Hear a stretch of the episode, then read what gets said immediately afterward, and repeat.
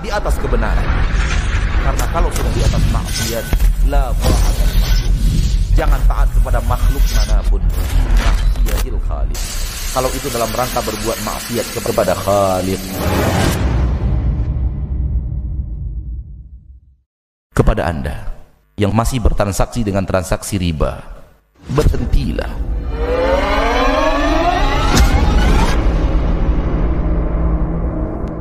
أعوذ بالله من الشيطان الرجيم. يا أيها الذين آمنوا لا تأكلوا الربا أضعافا مضاعفة واتقوا الله لعلكم تفلحون. Salah satu sistem perekonomian yang dilarang oleh Islam dan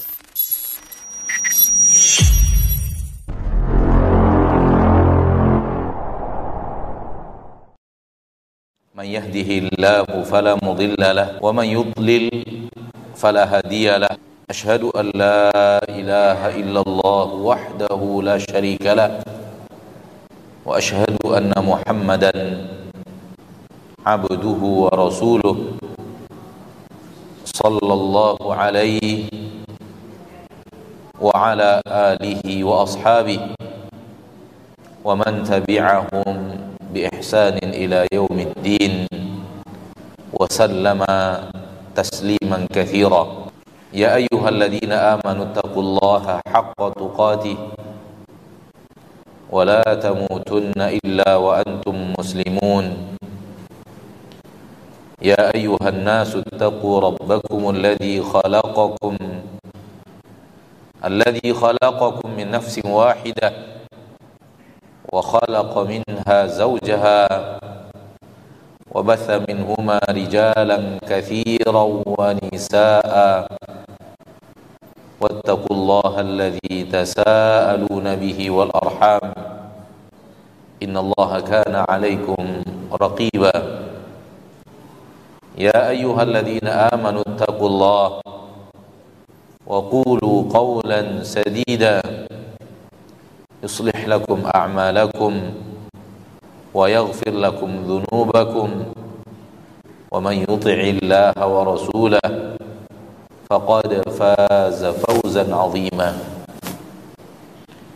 أما بعد فإن أصدق الحديث كتاب الله وخير الهدي هدي محمد صلى الله عليه وسلم وشر الأمور محدثاتها فإن كل محدثة بدعة وكل بدعة ضلالة وكل ضلالة في النار. معاشر المسلمين معاشر المسلمات الحاضرين والحاضرات المشاهدين والمشاهدات para pemirsa dimanapun anda berada rahimani wa rahimakumullah. Mari kita bersyukur kepada Allah Tabaraka wa ta'ala. Mari kita bersyukur kepada Allah. Ar-Rahman Ar-Rahim. Yang maha pengasih. Lagi maha penyayang. Yang telah mencurahkan kepada kita Rahmat dan nikmat yang sangat banyak. Dan setiap kita mendapatkan rahmat dan nikmat yang sangat banyak itu setiap hari. Tak ada di antara kita yang tidak bergelimang dengan rahmat dan nikmat Allah setiap harinya. Satu dari rahmat dan nikmat Allah itu takkan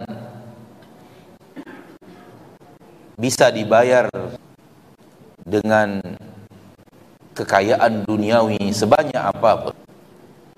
Dan ini harus selalu kita hadirkan di dalam hati kita. Karena Allah tabaraka wa taala mengatakan seperti itu. Bahwa rahmat dan nikmat yang Allah berikan kepada kita, curahan nikmat-nikmat Allah kepada kita semuanya tanpa terkecuali adalah rahmat dan nikmat yang sangat teramat besar.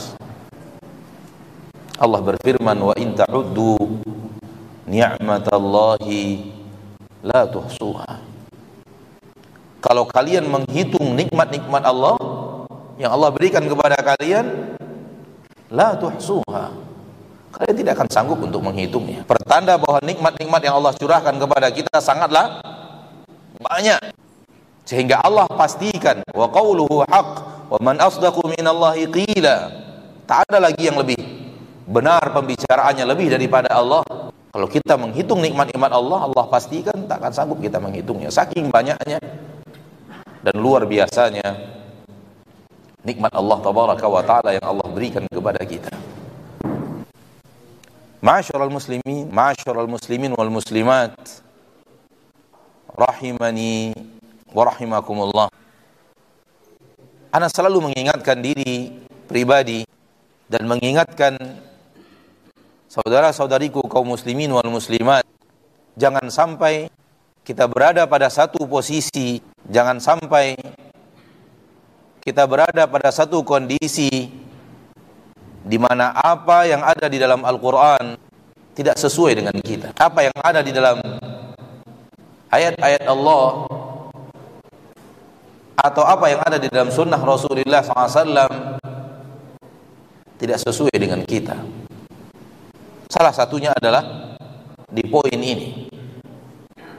Allah Taala mengingatkan kita bahwa nikmat-nikmat yang Allah curahkan kepada kita sangat banyak. Saking banyaknya kita tidak akan sanggup untuk menghitungnya. Maka hendaklah kita benar-benar merasakan dan mahir merasakan seperti yang Allah katakan. Hendaklah setiap hari kita merasakan nikmat Allah yang sangat teramat banyak itu. Jangan sampai apa yang Allah katakan dengan apa yang kita rasakan berbeda karena sudah terlalu banyak dan sangat banyak manusia-manusia yang hidup di zaman kita sekarang ini Allah katakan curahan rahmat dan nikmat Allah begitu banyak tak terhitung dia tidak merasakan yang banyak yang Allah katakan itu. Tak terasa olehnya yang Allah katakan banyak tak terhitung itu. Dia selalu merasa nikmat Allah yang dia diberikan Allah kepadanya sedikit Allah katakan banyak, dia rasakan sedikit. Berbeda apa yang Allah katakan dengan apa yang dia rasakan. Kalau kita mau bertanya, kalau begini keadaannya, yang pasti salah siapa? Hah? Allahkah yang salah di dalam Al-Quran ketika mengatakan nikmatku yang kuberikan kepada kalian saking banyaknya tak terhitung? Atau yang salah adalah manusianya ketika mengira mana yang banyak itu. Tak nampak. Tak ada yang banyak yang Allah katakan. Jadi kalau kita merasakan bahwa nikmat dan curahan nikmat Allah kepada kita sedikit berarti kita berada pada posisi yang berbeda dengan apa yang Allah katakan. Dan ketika apa yang Allah katakan berbeda dengan apa yang kita rasakan yang pasti salah adalah kita Allah mustahil salah Bukan Allah namanya kalau salah. Dan berhati-hati. Karena kalau sudah berbeda, itu berarti kita sudah masuk dalam perangkap iblis. Karena hanya iblis yang akan mendatangkan sesuatu yang berbeda dengan apa yang ada di dalam syariat Allah. Jadi kalau kita tidak merasakan setiap hari bahwa curahan rahmat dan nikmat Allah tiada tara, tak terhitung, berarti kita masih harus membenahi diri, membenahi diri karena kita tidak pandai melihat rahmat dan nikmat Allah. Dan kesalahan besar manusia ketika rahmat dan nikmat Allah yang besar dia anggap kecil. Dan ketika nikmat Allah yang tidak seberapa tidak terlalu besar dia besar-besarkan. Sehingga terbalik dalam cara melihat yang benar nikmat Allah yang sangat besar disepelekan. Nikmat Allah yang tidak terlalu besar dibesar-besarkan. Dan yang dibesar-besarkan itu pun dia tak punya. Masyaallah muslimin masyaallah muslimat. Semua kita bisa melihat tiang masjid ini. Masjid Jannatul Firdaus. Semoga kita berkumpul di sana tanpa singgah ke neraka. Amin. Ya rabbal alamin. Sekiranya tiang masjid ini adalah emas pasti manusia membesarkan. Menganggapnya adalah adalah rahmat dan nikmat yang sangat besar. Berapa ton ini emasnya ini? Berapa ratus kilo? Sehingga manusia pasti akan memandang dia adalah rahmat dan nikmat yang sangat besar padahal pada diri kita ada nikmat-nikmat Allah yang jauh lebih besar daripada emas yang sebesar tiang masjid ini yang setiap hari kita rasakan yang sering kita sepelekan. Mana dia? banyak sekali. Mata adalah nikmat Allah yang sangat besar. Emas sebesar masjid ini tak akan sebanding dengan nikmat mata bukti nyata tak akan ada orang yang berakal yang mau matanya dibeli dengan emas sebesar tiang yang ada di masjid ini. Kecuali kalau akalnya sudah tidak berfungsi dengan baik lain cerita. Tapi orang yang benar-benar berakal dia pasti memilih lebih baik memiliki mata biarlah tak punya emas sebesar tiang masjid. Berarti nikmat mata jauh lebih berharga daripada harta itu. Dan masih banyak nikmat-nikmat Allah yang lain. Silakan antum urut. Ada pendengaran telinga ada lisan ada kaki dan tangan ada nikmat-nikmat yang Allah berikan di dalam tubuh kita yang lebih penting daripada mata yang tampaknya kita nggak bisa hidup. Semua itu lebih berharga. Berjuta-juta bermiliar-miliar lebih berharga daripada hanya emas walaupun sebesar masjid ini namun sayang nikmat yang besar tadi disepelekan orang. Siapa orang yang merasa bahwa nikmat matanya itu sangat berharga? Siapa yang merasakan bahwa nikmat lisannya begitu luar biasa? Dunia berserta isinya nggak bisa untuk membeli nikmat lisan dan nikmat pendengaran. Dunia beserta isinya tidak bisa membeli nikmat jantung. Tak ada orang yang berakal yang mau diberikan untuknya emas sepenuh bumi dan gantinya adalah jantung yang ada di dalam dirinya nikmat yang besar ini dikerdil-kerdilkan manusia. Dan nikmat yang tidak seberapa yaitu emas sebesar tiang dibesar-besar. Dan yang dibesar-besarkan dia itu itu pun dia tidak punya. Jangankan sebesar tiang setengah kilo pun nggak punya. Jangankan setengah kilo 250 gram pun dia tidak punya. Yang dia besar-besarkan tak punya. Yang sangat besar yang ada di dirinya dia lupakan. Sehingga akhirnya banyak manusia mengira bahwa nikmat Allah itu sedikit. Padahal Allah katakan saking banyaknya saking besarnya nikmat itu takkan terhitung. Dan sudah berapa puluh tahun kita gunakan mata? Terutama bagi saudaraku saudariku yang sekarang usianya sudah puluhan tahun. Sudah berapa puluh tahun kita gunakan telinga? Sudah berapa puluh tahun kita gunakan lisan kaki dan tangan? Paru-paru jantung pankreas darah tulang daging. Dan sampai sekarang masih diberikan oleh Allah Subhanahu wa taala nikmat yang luar biasa tanpa harus membayar sedikit pun kepada Allah Subhanahu wa taala. Maka kalau kita melupakan nikmat-nikmat ini niscaya kita tidak akan pernah bisa melihat alangkah besarnya nikmat Allah yang Allah berikan kepada kita. Kalau ingin tahu yang mana nikmat yang besar, jangan dengarkan perkataan manusia, tapi dengarkan firman-firman Allah di dalam Al-Quran. Apa yang Allah puji di dalam Al-Quran berarti itu nikmat yang besar. Apa yang Allah ulang-ulang, Allah sebut-sebut di dalam Al-Quran sebagai curahan nikmat berarti itu nikmat yang besar. Dan apa yang tidak Allah sebut-sebut berarti bukan nikmat yang besar. Dan kalau kita kembali kepada Al-Quran, Allah tidak pernah memuji-muji emas. Allah tidak pernah memuji-muji berlian. Allah tidak pernah menyebut-nyebut itu sebagai curahan rahmat dan nikmatnya. Kecuali yang ada di dalam surga. Allah sebut memang. Tapi emas yang ada di surga bukan yang ada di dunia ini.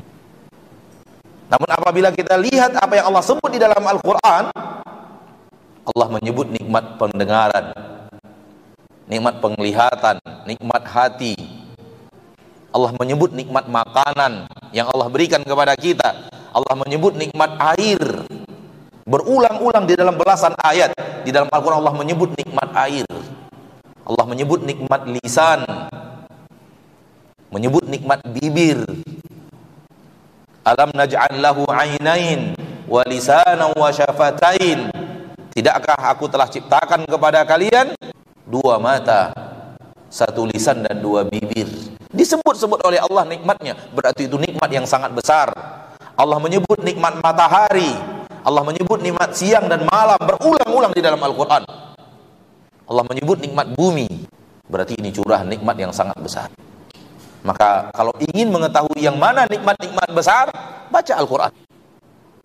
Kalau Allah memuji berarti itulah nikmat yang sangat besar. Dan tidak ada dunia beserta isinya yang dipuji oleh Allah di dalam Al-Quran. Bahkan yang ada dikerdilkan Allah fama mata'ul hayati dunya fil akhirati illa qalil tidaklah kehidupan dunia ini dibandingkan akhirat kecuali kenikmatan yang sangat sedikit dan kalau kita membaca hadis Nabi kita tercinta Muhammad sallallahu alaihi wasallam maka akan lebih dahsyat lagi kita mendengarkan hadis Nabi yang sangat mengkerdilkan dunia. Nabi SAW mengatakan dalam hadis yang sahih "Lau kanatid dunya 'indallahi tusawi janaha ba'udah ma saqal kafira minha syurbata ma." Kalau saja di sisi Allah dunia beserta isinya ini senilai dengan sayap nyamuk. Senilai itu Allah memandang dunia dan seisinya seperti kita memandang sayap nyamuk. Allah tidak akan mau memberikan orang kafir minuman walau seteguk pun karena dia lebih hina daripada sayap nyamuk. Di sisi Allah tabaraka wa taala maka Allah berikan musuh-musuhnya daripada kenikmatan dunia. Karena dia sangat hina di sisi Allah subhanahu wa taala. Lihat bagaimana nabi mengajarkan kita untuk mengkerdilkan dunia. Dan jangan dibesar-besarkan. Dan apabila dibandingkan dengan akhirat nabi mengatakan mad dunya fil akhirah illa kama yaj'alu usbu'akum fil yam falyanzur bima tarji' perbandingan dunia dan akhirat berapa yang ada di dunia ini berapa yang ada di surga Allah? Perbandingan yang kata Nabi bagaikan salah seorang di antara kalian mencelupkan satu jarinya ke dalam air laut falyanzur bima tarji' perhatikan berapa air yang bisa diangkat oleh satu jari Siapa pun di antara kita pasti tahu laut dan pernah ke laut. Celupkan satu jari kita angkat. Itulah dunia beserta isinya. Sisa air laut adalah surga Allah Subhanahu wa taala. Adakah manusia yang berakal yang mau kehilangan laut yang begitu luas hanya untuk mencari yang bisa diangkat oleh satu jari?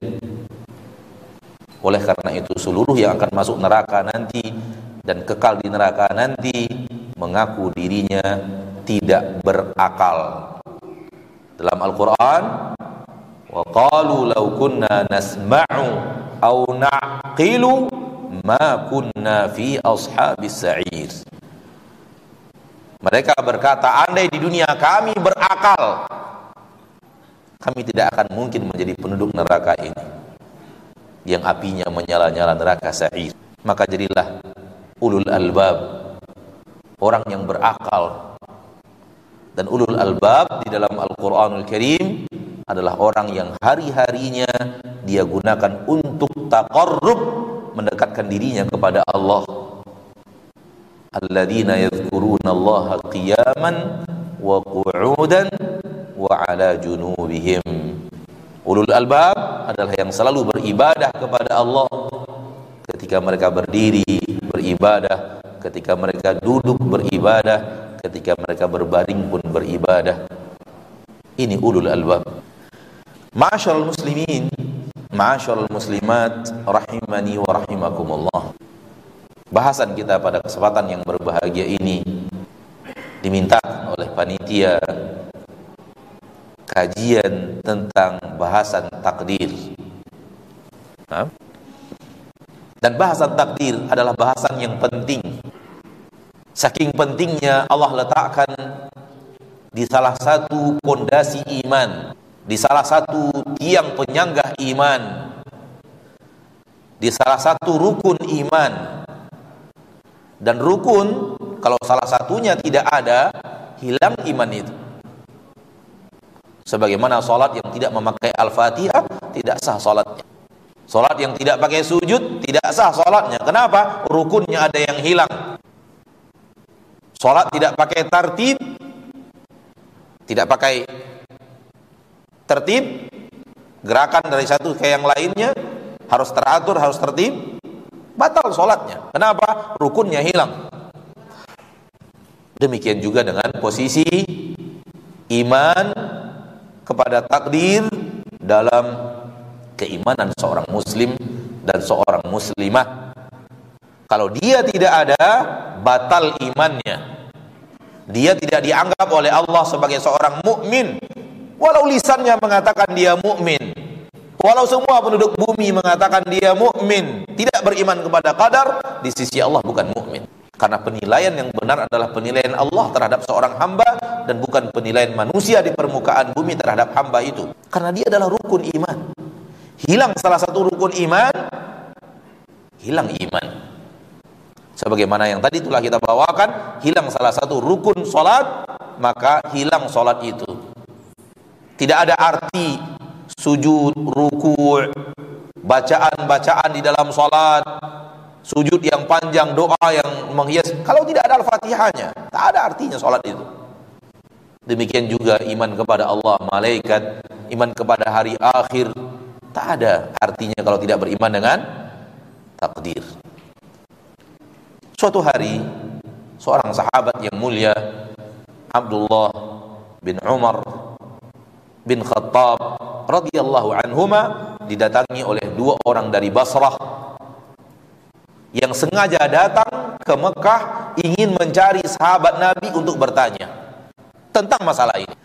Dan kemudian bertemu mereka ditakdirkan dua orang dari Basrah dari tabi'in bertemu dengan Abdullah bin Umar dan bertanya kepada Abdullah bin Umar radhiyallahu anhuma wa ardahuma wahai sahabat Nabi Abdullah bin Umar di negeri kami, di Basra, sudah ada kaum-kaum yang tidak beriman dengan takdir. Mereka mengatakan tidak ada takdir. Bagaimana pendapat anda dalam masalah ini? Tentang kaum yang seperti itu. Kata Abdullah bin Umar, beritahu mereka nanti kalau kalian kembali kepada mereka, beritahu mereka bahwa mereka bukanlah sama dengan saya. Dan saya tak sama dengan mereka. Saya berlepas diri dari mereka dan mereka berlepas diri dari saya. Saya dan dia berbeda. Ketahui, ketahuilah, beritahu mereka. Seandainya mereka punya emas sebesar gunung Uhud, lalu mereka infakkan emas itu sebesar gunung Uhud itu, Allah tidak akan terima emas itu dari mereka. Allah tidak akan terima infak itu dari mereka sampai mereka beriman kepada qadar. Sampai mereka beriman kepada takdir. Kenapa? Imannya hilang. Kalau tidak beriman dengan takdir, Allah tidak akan terima infak dari orang yang tidak beriman. Allah tidak akan terima sedekah orang yang tidak beriman. Tidak beriman dengan takdir berarti hilang imannya. Menjadi orang yang kufur. Kafir yang tidak beriman. Dan orang yang kafir manakala berinfak Allah tidak akan pernah terima infaknya walau emas sebesar gunung Uhud. Beritahu mereka seperti itu.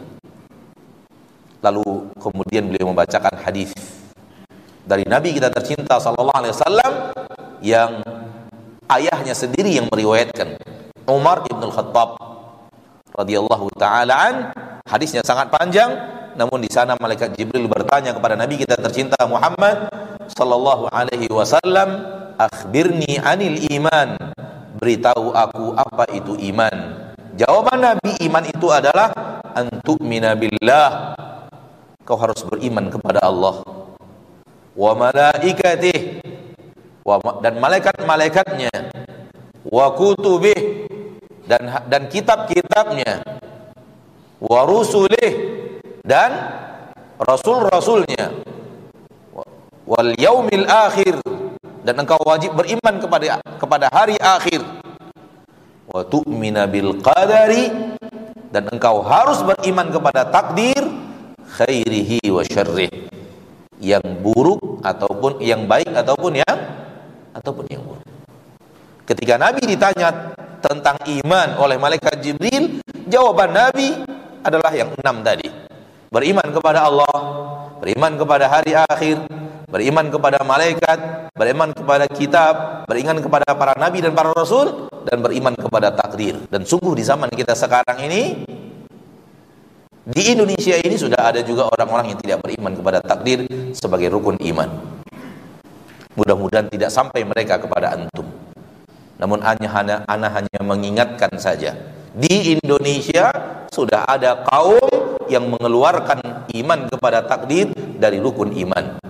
Dan mereka mengatakan bahwa rukun iman itu hanya lima di luar iman kepada takdir. Dan ini bukanlah kesesatan baru. Kesesatan yang sudah mulai ada di saat para sahabat masih hidup. Ini bukan kesesatan modern, tapi kesesatan yang sudah terlalu lama. Usianya hampir sama dengan usia Islam itu sendiri. Hanya jarak beberapa tahun saja setelah Islam itu diangkat oleh Nabi SAW di, didakwahkan oleh Nabi SAW lahir kesesatan ini sampai sekarang masih ada di Indonesia ada dan hati-hati anda yang sedang kuliah karena di sana banyak disebarkan. Nah, hanya memberikan peringatan hati-hati. Ya.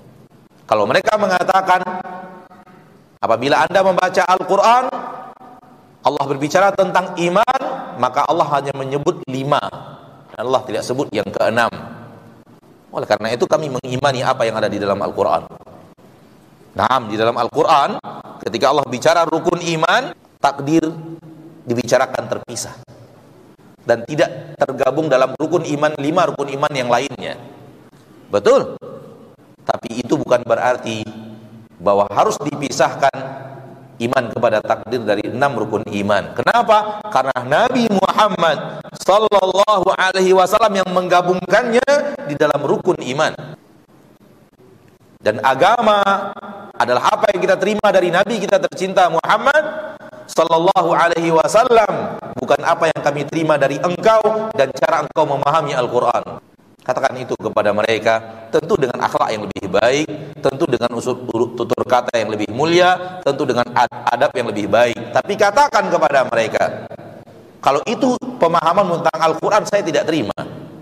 Karena pemahaman yang saya terima pemahaman Nabi. Nabi SAW yang mengajarkan kepada umat umat manusia Al-Quran dan Nabi yang membacakan Al-Quran itu kepada manusia dan Nabi yang menyatakan di dalam hadis bahwa takdir bahagian daripada rukun iman. Walaupun dia tidak dibahas tergabung dalam satu ayat di dalam Al-Quran, lima disebut tersendiri, kemudian takdir disebut tersendiri, tapi bukan berarti dia hanya lima. Nabi menyebutnya enam Nabi langsung yang menyebutnya dan kami beriman kepada Nabi kami dan tidak beriman kepada apa yang engkau katakan. Kadang-kadang orang yang tidak mengerti umat Islam di Indonesia, ma'asyiral muslimin, ma'asyiral muslimat jarang belajar hadis. Apalagi kalau memang pelajaran-pelajaran agamanya hanya di di bangku sekolah saja. Maka dengan argumen-argumentasi yang sangat lemah bisa merasa wah iya benar juga. Di dalam Al-Quran coba lihat ayat ini bicara ayat Allah bicara ayat ini hanya lima Allah sebut. Allah bicara ayat ini hanya lima rukun iman yang Allah sebut. Allah tidak menyebut enam.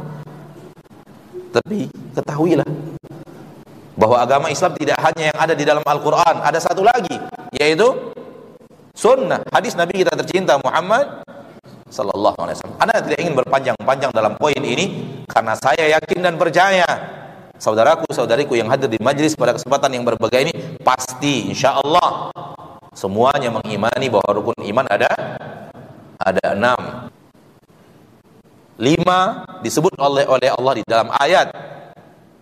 Seperti yang ada di dalam Al-Quran laisal birra an dan seterusnya. Takdir disebut terpisah namun di dalam hadis Nabi yang menggabungkan iman kepada takdir adalah bahagian daripada rukun iman. Dan yang menarik di dalam hadis Nabi ketika Nabi menyebut iman kepada takdir itu dipisahkan kalimat imannya. Ketika ditanya oleh malaikat Jibril, apa itu iman? Beritahu saya apa itu iman. Nabi mengatakan, engkau beriman kepada Allah, kepada malaikat, kepada kitab, kepada Rasul, kepada hari akhir dan engkau beriman kepada takdir. Diulang lagi dan engkau beriman kepada takdir. Kenapa Nabi tidak sambung saja? Engkau beriman kepada Allah, kepada hari akhir, kepada kitab, kepada Rasul, kepada malaikat kepada takdir ternyata tidak dan Nabi tekankan lagi dan engkau beriman kepada takdir diulang berimannya. Isyarat dari Nabi kita tercinta sallallahu alaihi wasallam akan ada orang-orang yang akan nanti memisahkan iman kepada takdir rukun iman yang lima lainnya.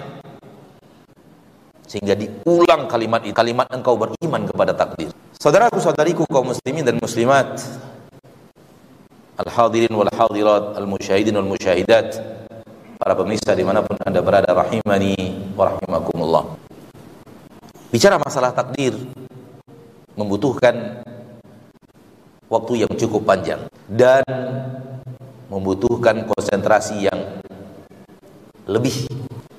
Kenapa? Karena memang bahagian bahasan takdir agak sedikit jelimet. Oleh karena itu butuh fokus dan butuh waktu yang cukup panjang untuk kalau ingin berbicara panjang lebar. Namun waktu yang ada mudah-mudahan bisa kita manfaatkan di poin-poin penting daripada bahasan iman kepada takdir. Dan sungguh kalau kita tidak konsentrasi mendengarnya, kadang-kadang makin dibicarakan masalah takdir itu makin bingung dan itu pernah kita buktikan.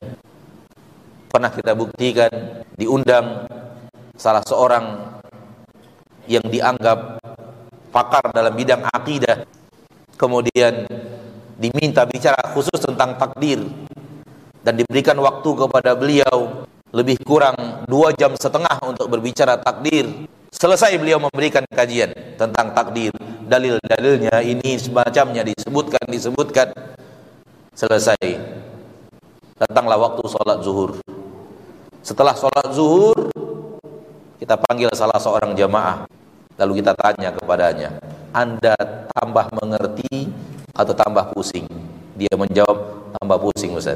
Saya hanya ingin mengatakan bahwa bicara takdir itu tidak mudah. Sedikit jelimet. Oleh karena itu, jarang dan sedikit yang mau berbicara tentangnya. Namun harus dibicarakan.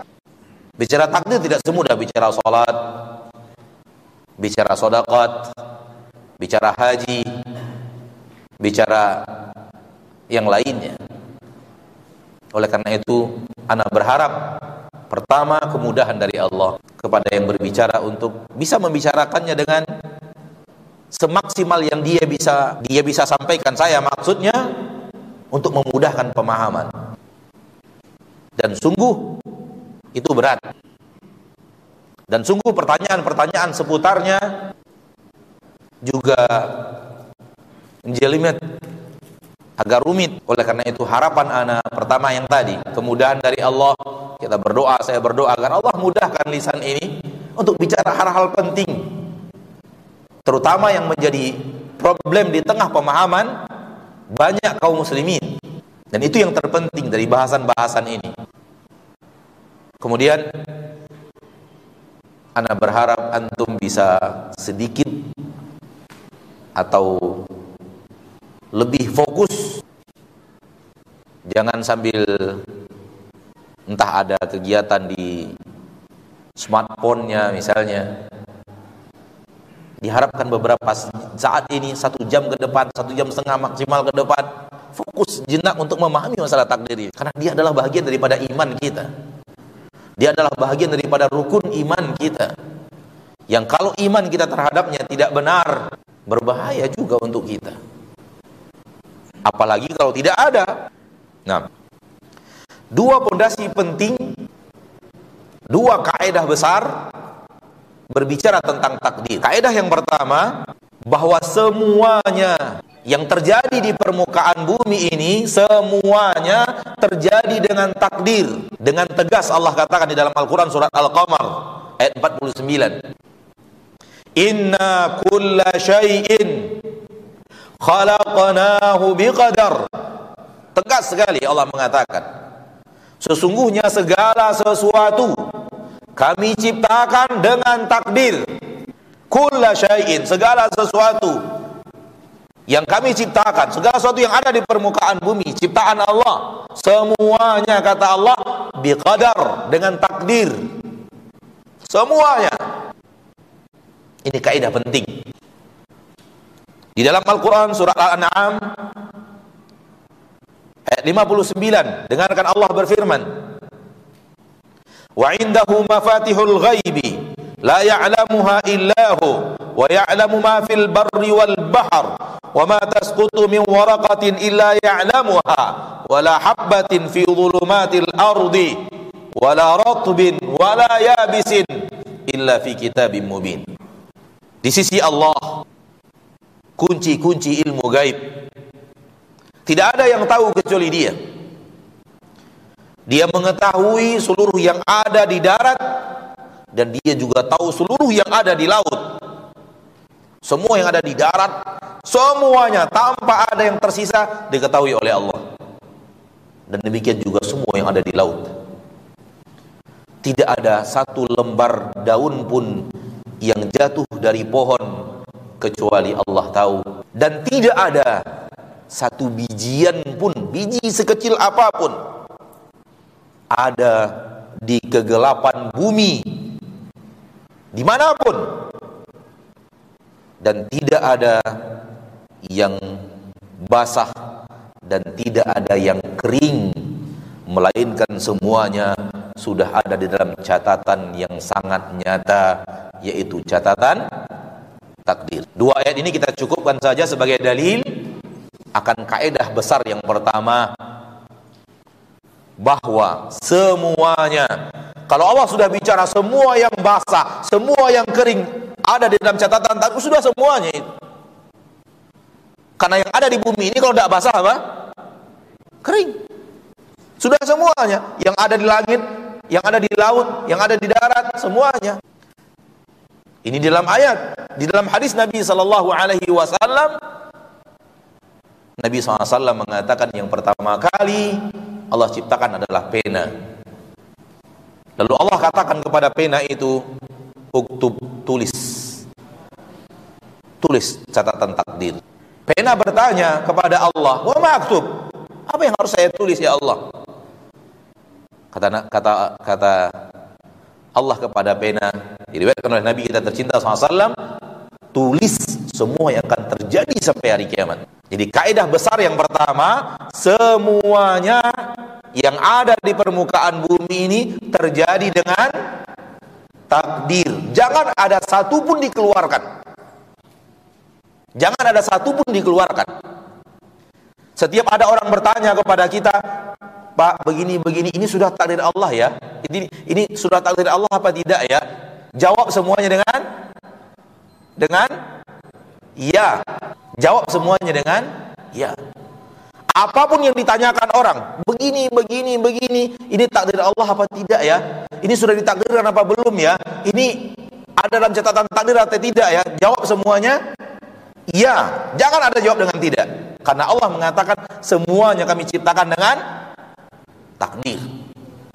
Dan di sini kesalahan banyak sebahagian orang yang mengeluarkan sebahagian daripada takdir. Dan saya mendengar sendiri tanpa sengaja di rumah salah seorang keluarga di televisi dari seorang dai nasional dari dai-dai di TV-TV nasional. Tidak perlu kita sebutkan nama tak ada artinya nama. Nanti takut ada orang-orang yang merasa risih dengan sebutan nama. Yang penting kesalahannya adalah dia mengatakan bahwa ini bukan bagian daripada takdir Ketika ditanya sikap kita dan sifat kita bagian takdir tidak? Oh tidak, itu bukan bagian daripada takdir. Subhanallah. Subhanallah. Allah mengatakan semuanya dengan takdir. Dia berani menyampaikan dan didengar oleh entah berapa juta manusia bahwa yang seperti ini tidak takdir. Hidup jadi kaya, jadi miskin itu bukan takdir. Kita harus semangat, harus begitu. Pekerjaan kita bukan takdir. Banyak yang dia keluarkan daripada takdir. Dan ini adalah kesesatan yang nyata.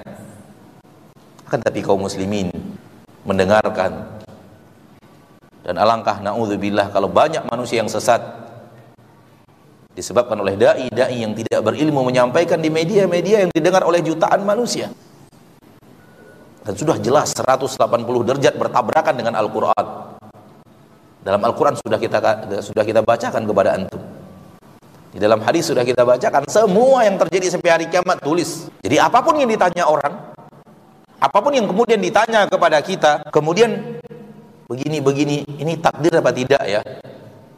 Jawab semuanya dengan Ya, kalau kita jawab tidak, kita sudah keluar dari panduan kitabullah yang azza wa jal dan hadis Nabi kita tercinta Muhammad sallallahu alaihi wasallam. Ma'asyiral muslimin, insyaallah kita lanjutkan setelah kita melaksanakan salat isya berjamaah Rasulih Muhammad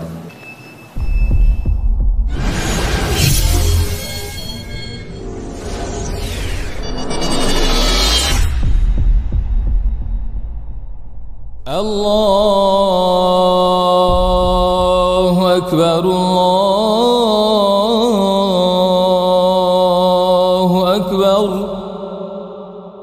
الله أكبر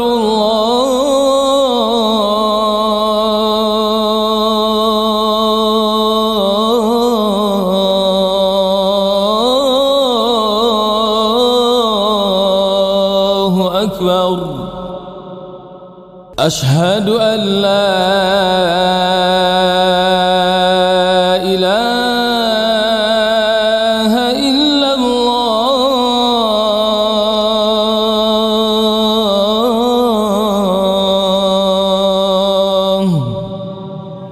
أشهد أن لا إله إلا الله.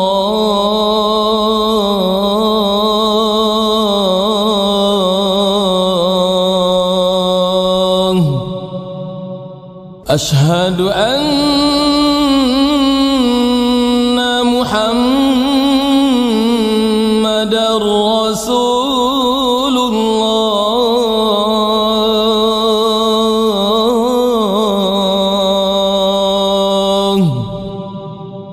أشهد أن محمد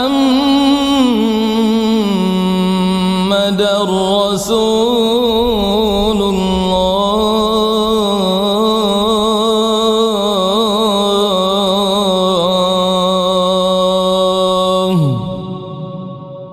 حي على الصلاة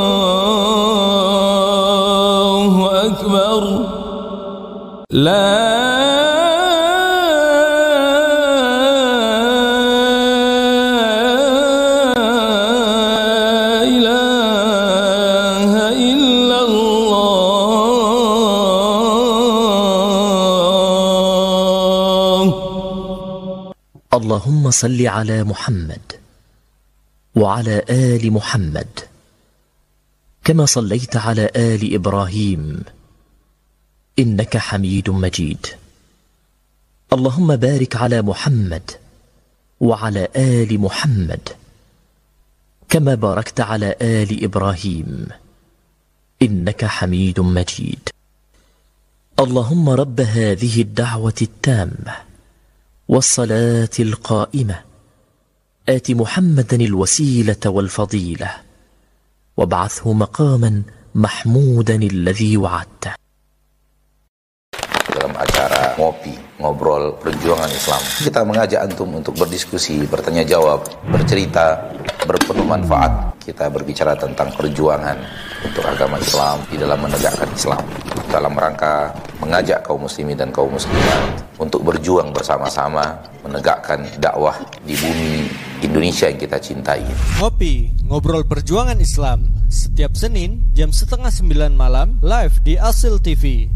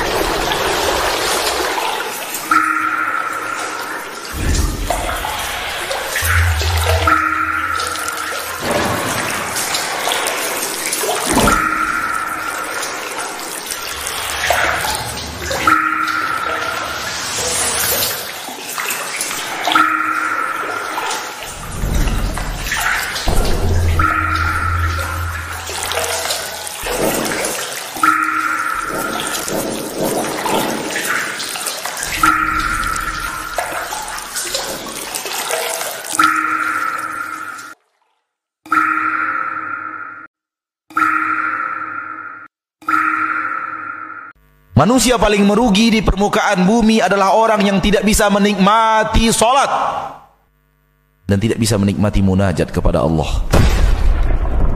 Ya ayyuhalladzina amanu wasjudu wa'budu rabbakum waf'alul khaira la'allakum tuflihun Sesungguhnya perkara yang pertama kali ditanya oleh Allah Azza wa Jal kelak di hari kiamat berkaitan dengan salatnya.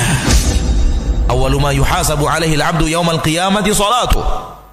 Seorang hamba di akhirat yang pertama kali dihisab dari amalannya adalah salat. Apabila salatnya baik, baik seluruh amalannya. Namun apabila salatnya rusak, rusak seluruh amalannya. Dan sebagian kaum muslimin melalaikan solat Bahkan meninggalkan solat Yang meruntuhkan agamanya. Sebagian lagi solat hanya Jumat saja Bahkan sebagian juga Hanya solat di bulan puasa saja. Mereka yang meninggalkan salat dengan sengaja Sesungguhnya mereka telah terjerumus ke dalam kefasikan yang nyata. Dan ditakutkan mereka akan terjerumus ke dalam kekufuran ikhwatal iman. Bainar rajuli wal kufri wa syirki tarkus salah Faman tarakaha faqad kafar. Pembatas antara seseorang dan kesyirikan serta kekufuran adalah salat. Barang siapa yang meninggalkannya jatuh dalam lembah kekufuran. Bagaimana seseorang mengaku muslim sementara bangunan Islamnya runtuh karena tiangnya, tiang penyanggahnya telah runtuh, yaitu salat.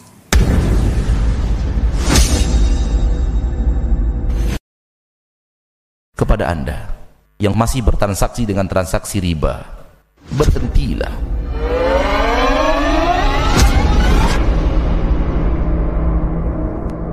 أعوذ بالله من الشيطان الرجيم يا أيها الذين آمنوا لا تأكلوا الربا أضعافا مضاعفة واتقوا الله لعلكم تفلحون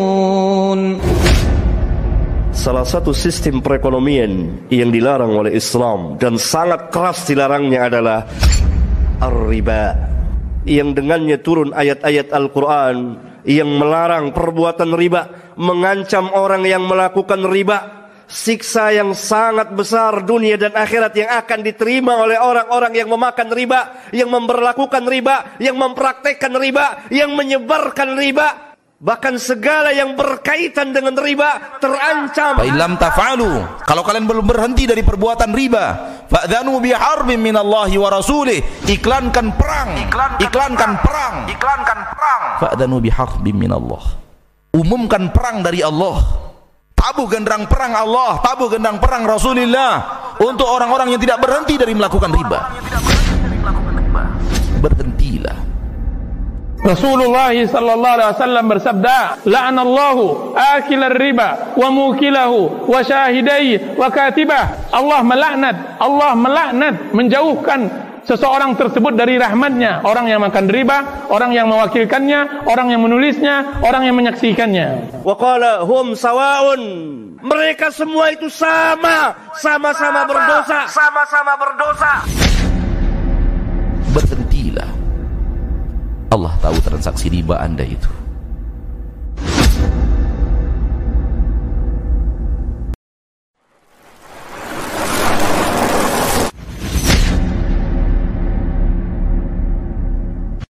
Di antara maksud dan tujuan besar, di antara orientasi besar diturunkannya agama Allah adalah mewujudkan keamanan dan menjauhkan manusia dari rasa takut.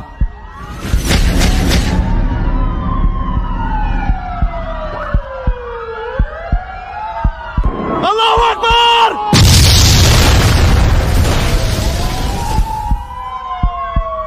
menakut-nakuti mengancam menimbulkan rasa takut kecemasan mengancam menumpahkan darah membunuh orang-orang yang tidak bersalah meledakkan tempat-tempat tinggal dan fasilitas-fasilitas umum. Teror.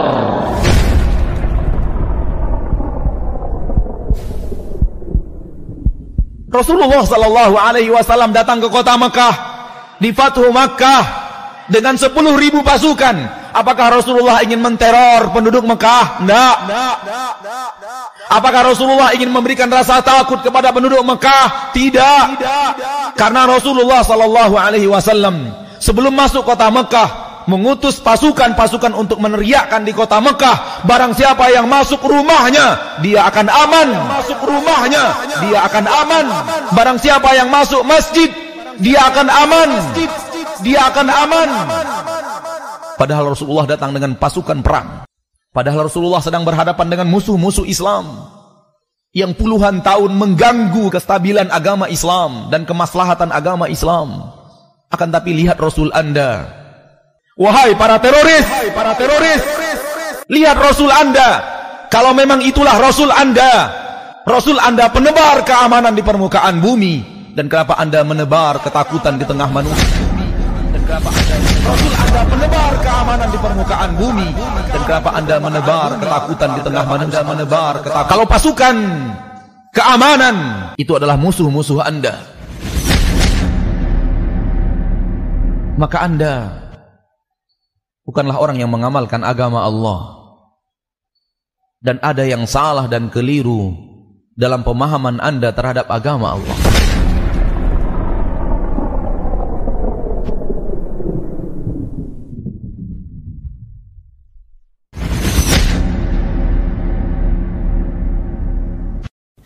Informasi penting bagi pemirsa setia Asil TV. Mulai tanggal 1 Juli 2020, Asil TV pindah satelit dari satelit Palapade ke satelit Telkom 4 dengan frekuensi 3720, simul rate 32727, polaritas horizontal. Demikian informasi ini kami sampaikan atas perhatian pemirsa Asil TV. Kami ucapkan jazakumullahu khairan. Wahai orang-orang yang sedikit akalnya, wahai orang-orang yang kasar hatinya, wahai orang-orang yang sedikit mengambil pelajaran, obatilah hatimu. Berdirilah di pintu Allah Subhanahu wa taala sebelum kesempatan itu terlambat. Wahai orang-orang yang berkutat di dalam maksiat, orang yang berkutat di dalam maksiat. Wala ghafilan amma ya'malu zalimun. Jangan kira Allah itu lalai dan tidak tahu apa yang dilakukan oleh orang-orang yang berbuat zalim. Innama yuakhiruhum liyaumin tashkhasu fihi al-absar. Allah hanya undur. Allah hanya undur saudaraku. Allah hanya undur maksiat Anda. untuk nanti dihisap di hari yang tidak ada mungkin lagi penyesalan berguna dan bermanfaat. Innama yuakhiruhum Allah hanya mengundur-ngundur mereka. Liyaumin tashkhasu fihi al-absar kepada hari di mana pandangan akan terbolak-balik. Jangan tunggu hari pembalasan baru Anda menyesal. Sekarang di dunia ini menyesal. Supaya nanti Anda tidak lagi menyesal di akhir. Wahai orang-orang yang berkutat di dalam maksiat.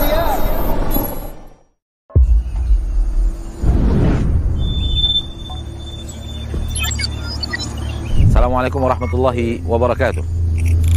Saudaraku, saudariku, kaum muslimin dan muslimat. Barakallahu fikum wa fi amwalikum wa fi dzurriyyatikum. Alhamdulillah atas rahmat dan nikmat Allah tabaraka wa taala bersama antum dan antunna dari seluruh Nusantara. Walillahil hamd. Kita telah berhasil bersama untuk pembayaran DP pembebasan lahan Markas Sunnah Nusantara Al-Hijrah. Jazakumullahu khairan katsira atas segala partisipasi antum dan antunna untuk pembebasan lahan Markas Sunnah Nusantara Al-Hijrah. Saudaraku saudariku kaum muslimin dan muslimat, kita mencintai Indonesia. Kita mencintai Nusantara yang sangat luas ini. Bangsa yang sangat besar, negeri yang sangat luas. Berbagai macam suku, berbagai macam bahasa, berbagai macam adat dan kebiasaan. Namun semua itu tidak ada makna kalau kita tidak menegakkan sunnah Nabi kita tercinta sallallahu alaihi wasallam di negeri yang kita cintai ini. Yayasan Hasil Cahaya Tauhid mengajak antum semuanya, antunna semuanya untuk berjuang membangun markas sunnah al-hijrah untuk perjuangan menegakkan sunnah Rasulullah sallallahu alaihi wasallam di Nusantara yang kita cintai ini, di Indonesia yang kita cintai ini. Di tempat ini insyaallah taala kita akan membangun pusat halakah ilmiah terbesar di Nusantara.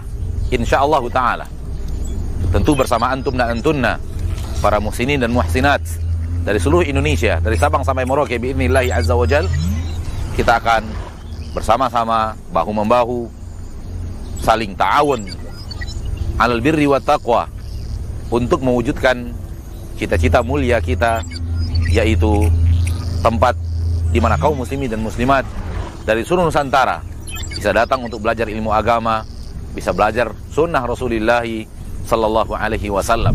Di sinilah tempatnya saudaraku, saudariku kaum muslimin dan muslimat. Insyaallah taala. Semoga Allah tabaraka wa taala mudahkan. Kita akan membangun masjid dan akan membangun asrama di mana kaum muslimin dan muslimat bisa belajar agama Allah tabaraka wa taala yang hak, bisa belajar sunnah Rasulullah sallallahu alaihi wasallam dan setelah itu mereka kembali ke kampung halaman mereka untuk menyebarkan sunnah Rasulullah sallallahu alaihi wasallam yang telah mereka pelajari di tempat ini insyaallah taala. Saya mengajak kita ikut andil di dalam proyek mulia ini. Saya mengajak kita semuanya ikut berpartisipasi membangun kemuliaan untuk diri kita dengan harta yang telah Allah anugerahkan kepada kita dan rezeki yang telah Allah lapangkan kepada kita. Sesungguhnya apa pun yang kita berikan daripada kebaikan, daripada sedekah, daripada infak, daripada wakaf, maka itu tidak akan hilang di sisi Allah tabaraka wa taala. Bahkan akan menjadi sesuatu yang berlipat ganda di sisi Allah. Dengan keikhlasan dan dengan infak yang Anda berikan, kita akan berusaha bersama-sama membangun lokasi ini menjadi pusat halaqah ilmiah terbesar di Indonesia tercinta.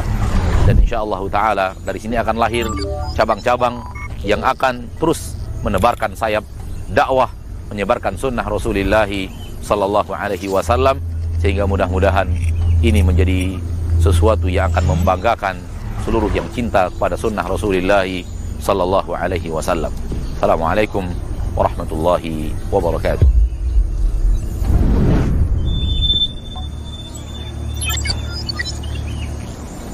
Tiupan iblis terbesar di hati manusia ketika iblis meniupkan bahwa harta adalah segala-galanya yang akan membawa Anda kepada kebahagiaan di dunia. Camkan baik-baik di hatimu camkan baik-baik di jiwamu bahwa harta kalau diyakini pembawa kebahagiaan maka anda telah terseret kepada perangkap iblis yang sangat dahsyat.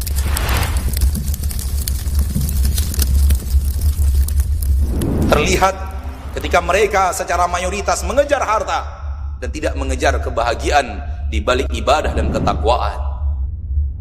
Seolah-olah tanpa harta orang tidak akan bahagia seolah-olah hanya dengan harta manusia bisa bahagia. Dan itu tipuan iblis. Karena sesungguhnya Nabi tercinta mengatakan bahwa harta itulah yang telah menghancurkan umat-umat sebelum kita.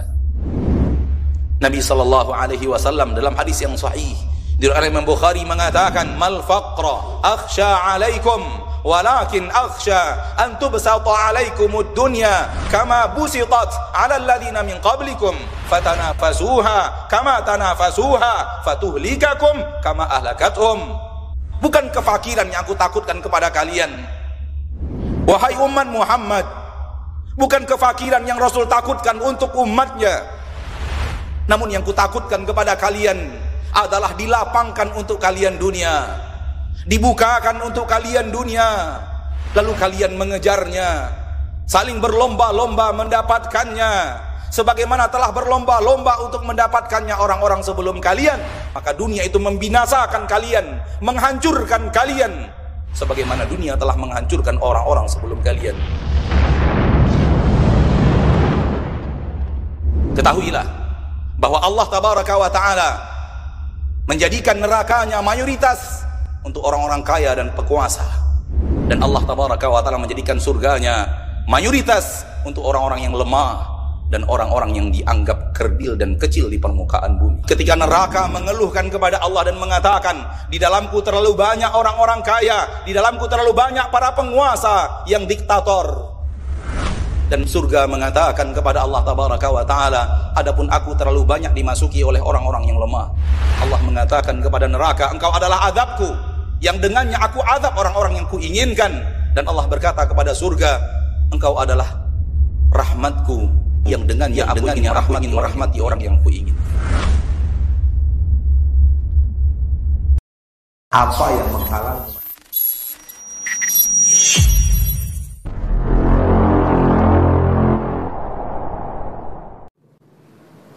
Yang sangat penting di dalam akidah tentang takdir yaitu bahwa Allah tabaraka wa taala tidak pernah menzolimi siapa pun dengan takdirnya. Semuanya dengan takdir. Itu kaidah yang pertama. Kaidah besar yang kedua bahwa semua yang Allah takdirkan itu di dalamnya Allah tidak pernah menzolimi siapa pun. Ini penting. Semua yang Allah takdirkan keadilan. Semua yang Allah takdirkan kasih sayang. Keadilan. Dan tidak ada siapa pun yang dizolimi. Atau tidak Allah itu tidak pernah menzolimi siapa pun di dalam keputusan takdirnya. Allah berfirman di dalam Al-Quran dalam ayat yang sangat banyak. Di antaranya surat Al-Kahfi ayat 49 ketika Allah berbicara tentang penduduk neraka wa wudi'al kitabu fataral al-mujrimina mushfiqina mimma fi, wa yaquluna ya waylatana ma li hadzal kitabi la yughadiru saghiratan ولا كبيرة إلا أحصاها ووجدوا ما عملوا حاضرا ولا يظلم ربك أحدا Ayatnya panjang namun yang jadi bahasan di bahagian akhirnya. Kita bacakan terjemahan ayat. Dan di bagikan kitab catatan amalan setiap insan kepada manusia itu dibagikan kepada mereka. Maka engkau menyaksikan pelaku dosa dan maksiat ketakutan dengan apa-apa yang ada di dalam catatan kitab mereka sendiri. Dan mereka berkata aduh celakanya kita. Ada apa dengan kitab ini? Yaitu kitab catatan amalnya sendiri. Tidak menyisakan sesuatu yang kecil sampai sesuatu yang besar melainkan semuanya dia catat semuanya dia rangkum. Wa wajadu ma amilu hadira. Seluruh yang pernah mereka kerjakan di permukaan bumi mereka temukan hadir dalam catatan itu. Allah tutup dengan ayat wala yuzlimu rabbuka ahada Rabbmu tidak pernah menzolimi siapa pun. Rabbmu tidak pernah menzolimi siapa pun. Ini kaidah besar. Yang banyak kekeliruan di dalam takdir ketika menisbatkan kezoliman kepada Allah. Naam Allah menakdirkan semuanya. Allah memberikan ketentuan takdir semuanya. Namun ketahuilah bahwa tidak ada yang Allah zolimi dalam ketentuan itu karena Allah tidak pernah memiliki kezoliman dan Allah telah mengharamkan kezoliman untuk dirinya. Dalam hadis yang sahih riwayat Imam Muslim dari Nabi kita tercinta Muhammad sallallahu alaihi wasallam Nabi meriwayatkan dari Allah Allah berfirman Ya ibadi inni haramtu dzulma ala nafsi. Wahai hamba-hambaku kata Allah Aku telah mengharamkan kezoliman untuk diriku. Allah tidak akan pernah lagi Allah tidak pernah menzolimi siapa pun. Ini kaidah penting. Nanti insya Allah dalam bahasan ke depan akan terlihat kenapa ini penting. Karena di, di kaidah yang pertama terjerumusnya orang-orang yang mengingkari adanya mengingkari takdir dan di terjerumus di kaidah yang kedua salah dalam kaidah yang kedua kaum yang lainnya yang terlalu salah dalam terlalu menetapkan takdir sehingga salah. Jadi ini dua kaidah penting. Tanamkan selalu dalam hati kita. Kita ulangi lagi supaya ini bisa kita ingat-ingat terus sampai akhir hayat. Pertama, kaedahnya adalah seluruhnya ditakdirkan oleh Allah Subhanahu wa taala dan tidak ada yang keluar dari takdir. Semuanya. Ini kaidah yang pertama. Kaidah yang kedua apa? Allah tidak pernah menzolimi siapa pun. Baik. Kita lihat kesalahan orang-orang yang tadi kita sampaikan di dalam hadis riwayat Imam Muslim yang bertanya kepada Abdullah bin Umar. Di negeri kami sudah ada orang-orang yang mengatakan tidak ada takdir. Kesalahannya pada kaidah yang mana? Kaidah yang yang pertama. Tadi ada ustadz kondang nasional bicara di TV nasional mengatakan perbuatan kita, ketaatan kita, kemaksiatan kita itu bukan bagian daripada takdir. Kaya dan miskinnya kita bukan bagian daripada takdir. Itu pilihan kita, tidak ada dalam catatan takdir. Bukan bagian daripada takdir Allah. Kesalahannya ada pada di mana? Kaidah yang pertama. Dia keluarkan. Dan di sini banyak kesalahan manusia. Manusia sulit memahami perbuatan dia sudah ada catatan takdirnya. Manusia sulit memahami itu. Kenapa? Karena manusia mencoba memahami itu dengan rumus manusia.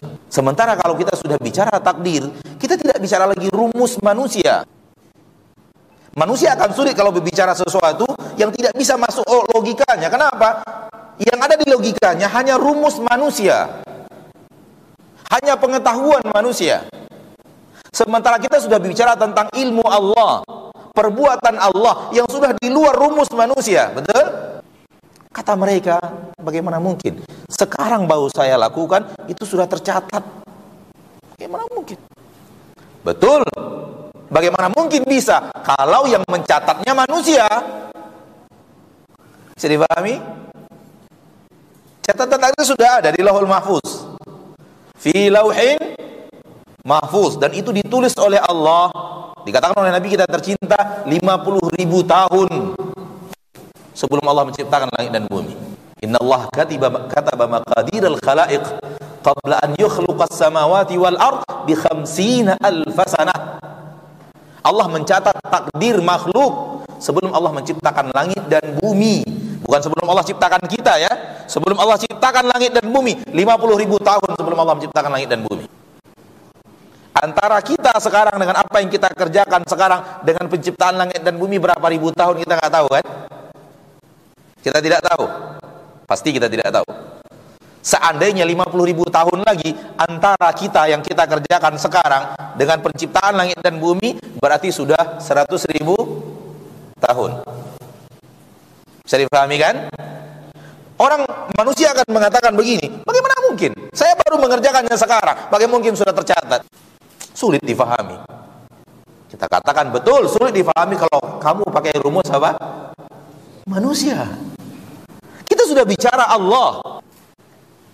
Jadi jangan bicara tentang Allah memakai rumus pengetahuan manusia rumus manusia lalu dipakai untuk Allah nggak mungkin itu kalau bicara manusia betul tapi bicara Allah tidak ada yang tidak mungkin Allah mengatakan innallaha ala kulli syai'in qadir Allah maha bisa segala sesuatu tidak ada yang Allah tidak bisa walau belum terjadi walau belum kita kerjakan Allah tahu itu akan kita kerjakan dan Allah tuliskan Bukankah kita mengimani Allah Maha tahu segala sesuatu? Tak ada yang Allah tidak tahu. Betul tidak? Berarti termasuk di antaranya adalah apa yang akan kita kerjakan seumur hidup kita. Allah sudah tahu walau belum kita kerjakan. Dan apa sulitnya bagi Allah menulis sebelum kita kerjakan? Ada sulitnya bagi Allah, mudah itu bagi Allah. Bagi kita mustahil. Karena kita manusia. Bicara rumus manusia mustahil. Bagaimana mungkin saya bisa menuliskan apa yang akan saya kerjakan lima tahun yang akan datang? Saya ngomong apa? Saya melangkah ke mana? Nggak mungkin saya tahu. Iya, kita manusia. Tapi itu hal yang mudah bagi Allah subhanahu wa ta'ala. Dengarkan Allah berfirman di dalam Al-Quran soal ini. Terdapat di dalam Al-Quran surah Al-Hadid ayat yang ke-22. Ma asaba min musibatin fil ardi wala fi anfusikum illa fi kitabin min qabli an nabra'aha. Inna dhalika 'ala Allah yasir. Tak ada apa pun yang terjadi di permukaan bumi. Tak ada apa pun yang terjadi pada diri kalian melainkan semuanya sudah ada dalam catatan kitab. Sebelum dia terjadi dan Allah ciptakan sudah ada dalam catatan kitab. Manusia bertanya kok bisa? Allah jawab, "Inna dzalika 'ala Allah yasir." Yang demikian itu bagi Allah gampang. Karena yang melakukannya adalah Allah. Maka jangan tolak ilmu bahwa semuanya ada dalam catatan takdir karena menggunakan rumus manusia. Bagaimana mungkin?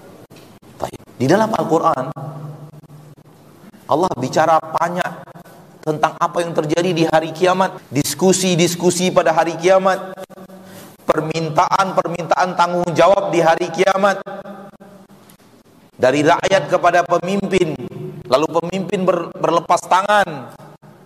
Manusia minta pertanggungjawaban iblis, iblis berlepas tangan. Di dalam Al-Quran Allah bicara apa yang akan dikatakan para para malaikat menyambut orang-orang yang akan masuk surga dan apa yang dikatakan oleh malaikat penjaga-penjaga neraka menyambut orang-orang yang akan ke neraka. Di dalam Al-Quran Allah mengatakan apa yang dikatakan perut neraka kepada malaikat Malik dan apa jawaban malaikat Malik. Apa yang akan dikatakan perut neraka kepada Allah minta kembali ke dunia dan apa jawaban Allah nanti kepada mereka? Semua diceritakan di dalam Al-Quran. Pertanyaannya, ucapan-ucapan itu, kalimat-kalimat itu sudah terjadi belum? Hah? Sudah terjadi belum? Sudahkah malaikat mengatakan itu kepada penduduk neraka? Sudahkah penduduk neraka mengatakan itu kepada malaikat Malik? Belum. Sudahkah rakyat-rakyat yang diselewengkan, yang disesatkan oleh pemimpin, minta tanggung jawab kepada pemimpin dan pemimpin berlepas tangan. Sudahkah manusia yang disesatkan oleh iblis minta tanggung jawab kepada iblis dan iblis berlepas tangan? Belum. Kalimat-kalimat dia belum keluar, sudah Allah sampaikan kepada kita di dalam Al-Qur'an. Kenapa bisa? Jawabannya bagi Allah gampang. Tahu segala sesuatu. Allah tahu segala-galanya. Kalau Allah tahu segala-galanya, gampang bagi Allah menuliskan. Karena kita tidak tahu, makanya mustahil bagi kita menuliskan. Maka semua yang Allah tulis, pertama karena Allah tahu. Semuanya Allah tahu. Tak ada yang tidak Allah tahu. Kalau kita ingin jabarkan lagi masalah ilmu Allah ini, panjang lagi kajian kita. Cukup cukup segitu dulu. Semuanya Allah tahu. Sampai apa yang mau kita kerjakan, apa yang terjadi pada diri kita, mulai daripada titik pertama penciptaan kita sampai terakhir kita meninggal dunia semuanya Allah tahu. Nggak ada yang Allah tidak tahu. Dari yang terkecil sampai yang terbesar. Allah tahu apa yang ada pada diri kita di saat kita tidak tahu apa yang ada pada diri kita. Pada saat kita tidur kita tahu nggak apa yang ada pada diri kita? Nggak tahu. Allah tahu semuanya. Kita tahu berapa jumlah helai rambut kita sekarang yang ada di kepala kita? Nggak tahu. Nggak ada manusia yang tahu berapa jumlah rambutnya Berapa jumlah jenggot mungkin tahu ya. Termasuk saya mungkin. Karena bisa dihitung jumlah jenggotnya. Tapi jumlah rambut nggak ada yang tahu manusia. Allah tahu. Apalagi berapa jumlah kosakata yang pernah kita ucapkan. Semua Allah tahu. Dan kalau Allah tahu, maka tidak sulit bagi Allah telah menuliskannya walau belum terjadi. Maka ini akidah kita. Allah tahu dan Allah tuliskan. Dan tulisannya sudah ada. Dan apa yang akan terjadi tidak akan pernah keluar dan meleset dari tulisan itu. Dan ini pertanyaan juga besar. Ustadz, catatan takdir apakah bisa berubah? Pertanyaan besar, banyak sekali yang bertanya seperti itu. Ustadz, catatan takdir apakah bisa berubah? Jawabannya, takdir yang ada di lahul mahfuz tak bisa berubah. Tak bisa berubah. Dan yang menyatakan tidak bisa berubah Allah di dalam Al-Quran dan Rasul di dalam hadis. Di dalam Al-Quran, lihat firman Allah di dalam Al-Quran. Terdapat dalam surat Qaf. Ayat 29. Tegas Allah katakan ma yubaddalul qawlu ladayya wa ma ana bidhallamin lil abid. Tak ada pendapatku yang dirubah-rubah tak ada perkataanku yang dirubah-rubah tak ada keputusanku yang dirubah-rubah. Ma yubaddalul qawlu ladayya. Tak akan dirubah perkataanku tak akan dirubah keputusanku. Jadi yang banyak-banyak bertanya Ustaz Apakah itu bisa dirubah Ustaz? Bisa dirubah takdir kita takdir itu bisa berubah Ustaz. Kalau yang dimaksud catatan lahul mahfuz enggak bisa. Termasuk di antaranya seseorang telah telah dituliskan semua kita telah dituliskan ke surga atau ke neraka. Sudah dituliskan.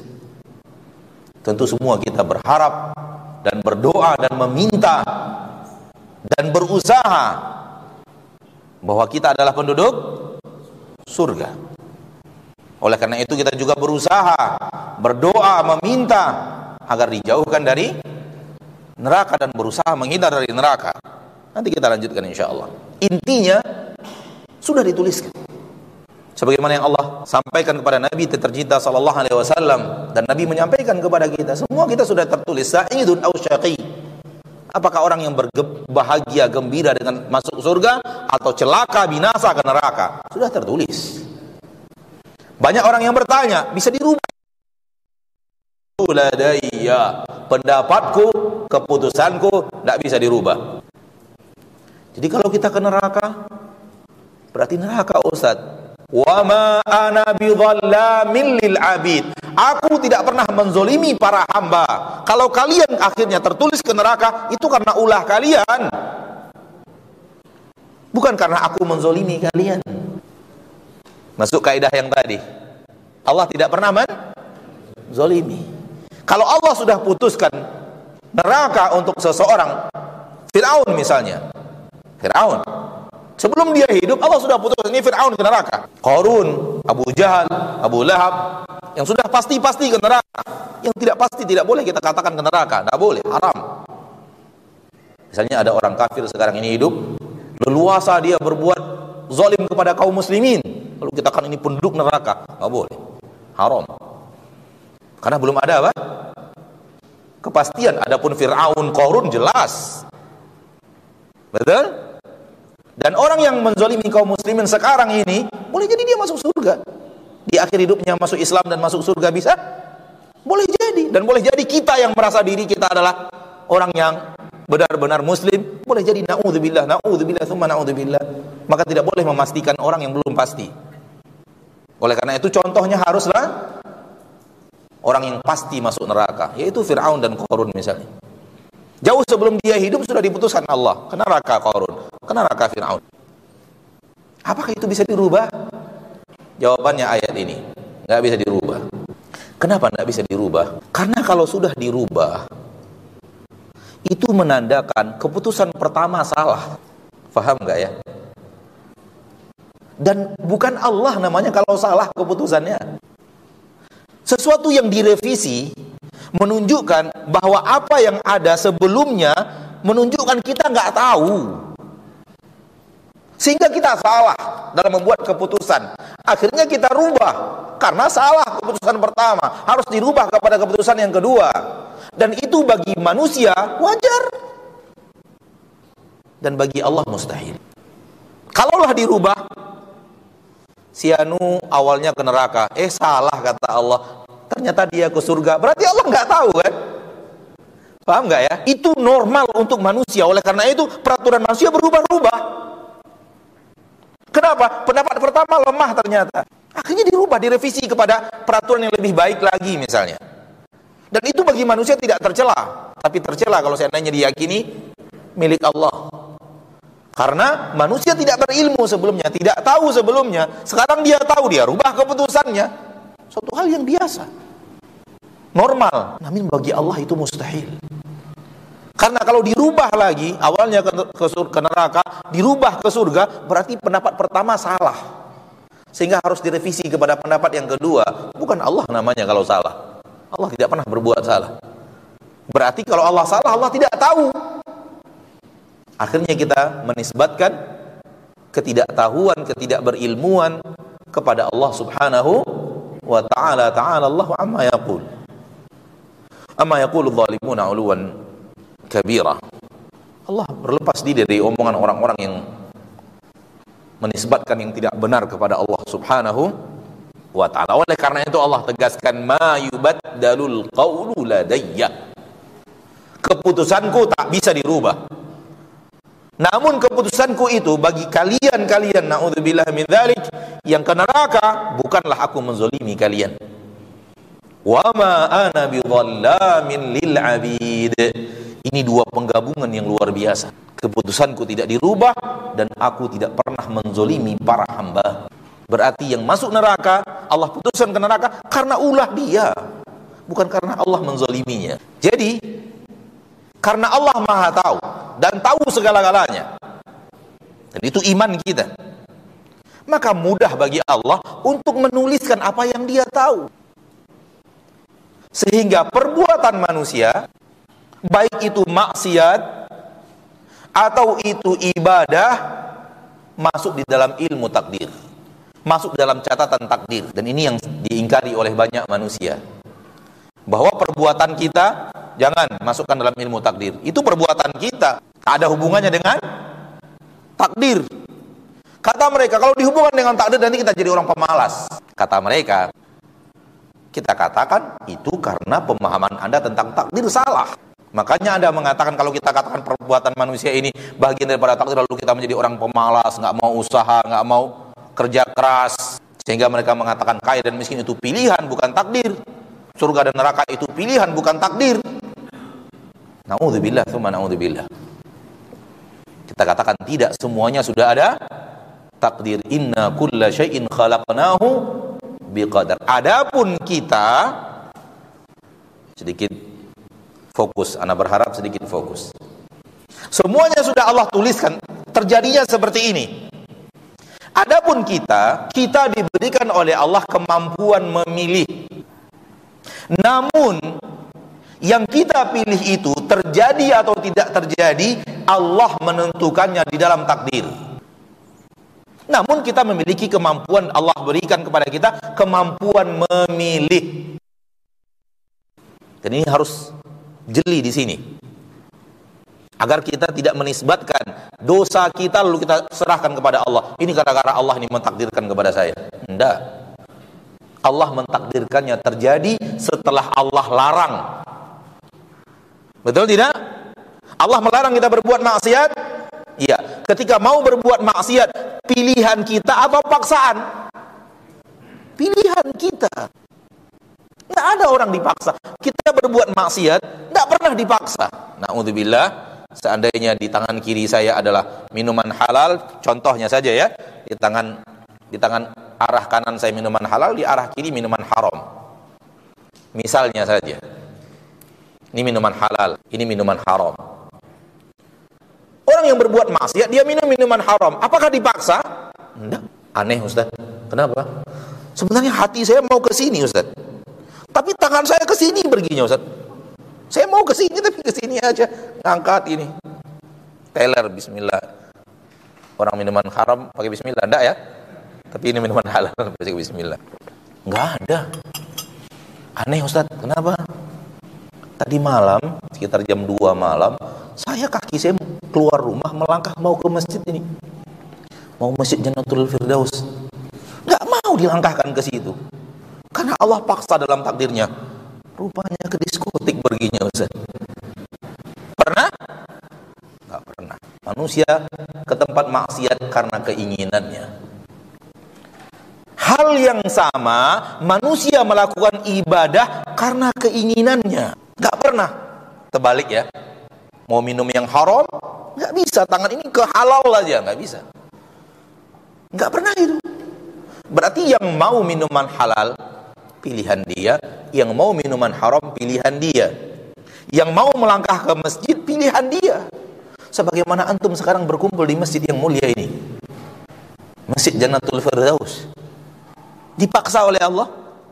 Saya mau tidur tadi Ustaz, tapi badan saya gerak sendiri, tangan saya jalan, kaki saya jalan, tangan saya bergerak ngambil kunci mobil. Ada? Pilihan. Jadi maksiat ibadah yang dilakukan oleh manusia Allah memberikan kemampuan kepada manusia untuk memilih. Lihat Al-Quran di dalam Al-Quran surat Al-Kahfi. Faman sya'a falyu'min wa man sya'a falyakfur. Barang siapa yang mau beriman silahkan beriman. Barang siapa yang mau kufur silahkan kufur. Yang mau kufur kufurlah. Yang mau beriman berimanlah Lihat keimanan dan kekafiran Allah ikatkan dengan keinginan manusia. Lihat nanti di dalam surah Al-Kahfi. Anda tidak hafal surat ayat berapa? Wa qulil haqqu min rabbikum katakan kebenaran telah datang dari Rabb kalian faman syaa'a falyu'min wa man syaa'a fal falyakfur. Katakan kebenaran telah datang dari Rabb kalian barang siapa yang ingin beriman berimanlah barang siapa yang ingin kafir kafirlah. Tapi tanggung jawab pekerjaan sendiri. Allah mengatakan barang siapa yang mau silahkan beriman. Barang siapa yang mau silahkan kufur. Menunjukkan bahwa manusia diberikan kekuatan untuk memilih. Hal yang sama di awal surat Al-Insan.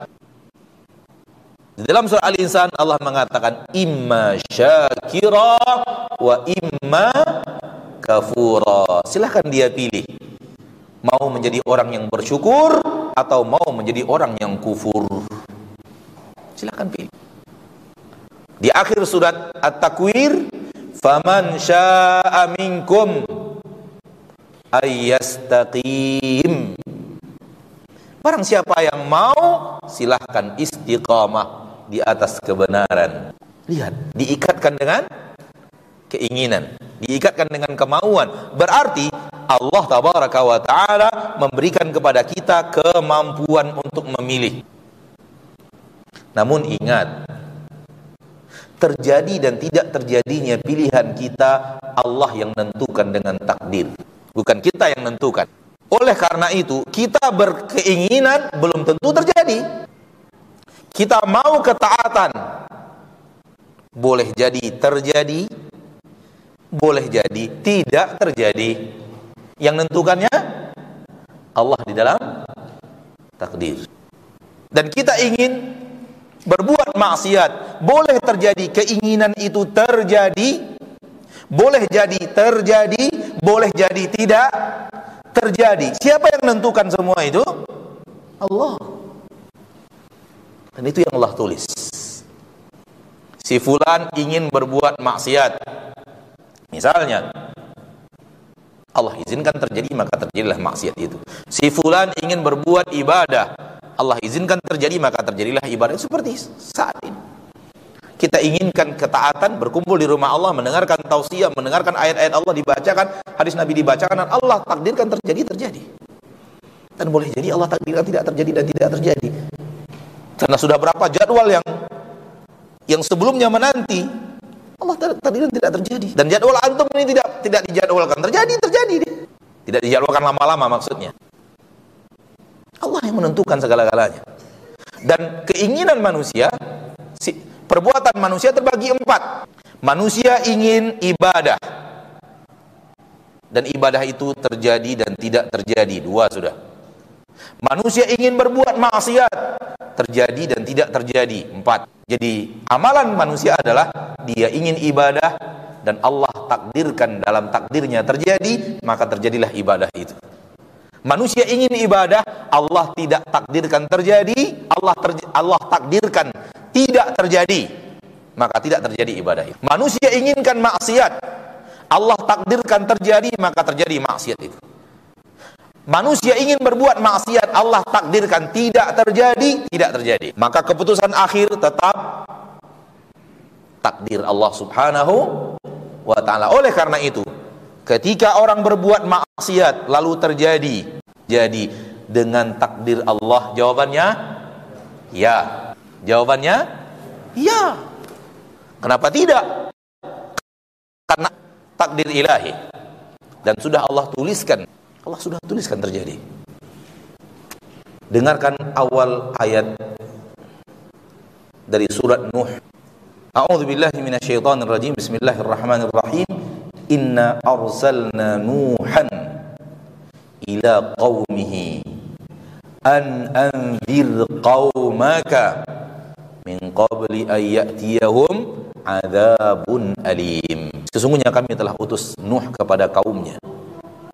Dan kami katakan kepada Nuh wahai Nuh berikan peringatan kepada kaummu sebelum datang kepada mereka adab yang pedih. Allah sudah tahu, Allah akan adab ini kaum. Allah tahu, Allah akan timpakan kepada kaum ini adab yang pedih. Allah katakan kepada Nuh, beritahu mereka, berikan mereka peringatan sebelum aku adab mereka dengan adab yang pedih. Allah Allah akan adab. Allah tahu Allah akan adab dan Allah namun tetap dikirim para nabi dan para rasul. Bukan tunggu dulu kirim Nabi Nuh nanti lihat mereka beriman nggak beriman ya Oh, enggak beriman ternyata. Baru kirim azab. Bukan begitu. Sebelum Nabi Nuh berdakwah kepada kaumnya, berikan kaummu peringatan sebelum aku kirim kepada mereka azab yang pedih. Allah Allah akan kirim kepada mereka azab yang pedih. Belum lagi azab pedih itu datang. Baik. Jadi, kalau ada yang bertanya, itu pelaku maksiat, ya? Apakah dengan takdir? Jawabannya ya. Sebagaimana itu ketaatan oleh orang-orang yang saleh dengan takdir. Seorang pencuri di zaman Umar bin Khattab tertangkap tangan dan setelah diproses diproses diproses pencuriannya itu dan hasil pencuriannya membuat dia berhak dipotong tangan karena tidak semua pencuri potong tangan Pak karena tidak semua pencuri potong tangan ada nilai-nilai tertentu dan ada sebab-sebab tertentu dan ada syarat-syarat tertentu baru berhak potong tangan. Intinya pencuri itu dengan segala kaedah yang ada sudah berhak untuk potong tangan, maka akan diterapkan untuknya potong tangan. Ketika dipotong tangan, dia, dia mengatakan kepada Umar bin Khattab, "Mahlan ya Amirul Mukminin." Sebentar Amirul Mukminin, sebentar. Kenapa kata Umar? Inna ma saraktu biqadarillah. Aku kan mencuri karena takdir Allah. Jawaban Umar bukan eh salah kamu. Kamu mencuri karena kemauan kamu, bukan itu jawaban Umar. Jawaban Umar, "Na'am." Bala. Benar, kamu mencuri dengan takdir Allah dan aku akan potong tanganmu dengan takdir Allah juga. Ya. Artinya apa? Umar bin Khattab tidak mengingkari perkataan maling tadi. Dia mencuri dengan takdir Allah karena maksiat terjadi dengan takdir Allah. Demikian juga ketaatan terjadi dengan takdir Allah. Maka Umar mengatakan, benar kamu mencuri dengan takdir Allah. Dan aku akan potong tanganmu juga dengan takdir. Ketaatan pun dengan takdir Allah. Karena ada maksiat yang kita inginkan, Allah tidak takdirkan, nggak terjadi. Dan ada ibadah yang kita inginkan, Allah takdirkan tidak terjadi, tidak terjadi. Jadi ada empat tadi kan? Ibadah yang diinginkan tidak terjadi. Ibadah yang diinginkan terjadi. Maksiat yang diinginkan tidak terjadi. Maksiat yang diinginkan terjadi. Semua itu Allah yang menentukan dengan takdirnya dan terjadi tidak terjadi tulisannya sudah di lauh mahfuz. Dan hasil akhir dari amalan kita hasil akhir maksiat, ketaatan kita, hasil akhirnya, nilai akhirnya, konten akhirnya, keputusan finalnya ke neraka atau ke surga sudah dituliskan juga dan Allah tidak pernah salah. Ini perbuatan manusia itu dan nilai akhirnya ke neraka. Ini perbuatan manusia itu dan nilai akhirnya ke surga. Allah tidak pernah salah. Namun satu poin penting dalam bab ini yang selalu menjadi pertanyaan banyak manusia dan sering sekali kita temukan pertanyaan itu. Kata mereka begini, Ustaz, kalau saya rajin beribadah, rajin beribadah, beriman, beramal saleh, rajin taat kepada Allah. Tapi dalam catatan takdir saya ke neraka, apakah saya akan tetap ke neraka? Ini pertanyaan sering kita temukan. Pertanda bahwa orang ini tidak tahu syariat Allah. Dia jahil terhadap ilmu agama Allah dia jahil terhadap agamanya sendiri. Sehingga lahir pertanyaan jahil seperti ini. Pernah bertanya seperti itu. Karena pertanyaan itu menunjukkan kebodohan kita tentang agama kita. Kapan di dalam Al-Quran?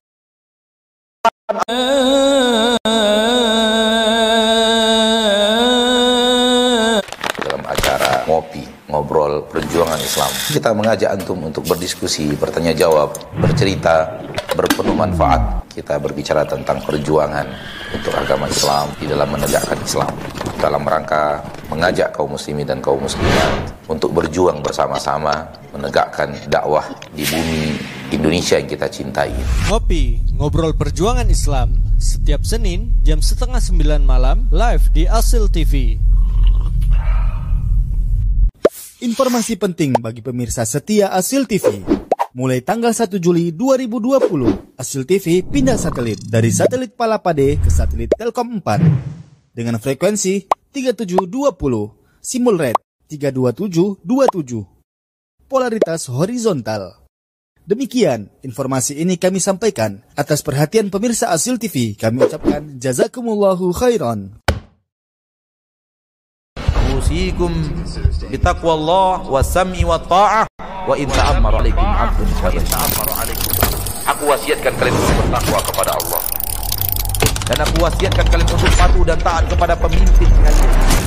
Walaupun kalian dipimpin oleh seorang budak hitam dari negeri Habasyah. Ya ayyuhalladzina amanu atii'u Allah wa atii'ur rasul wa ulil amri minkum.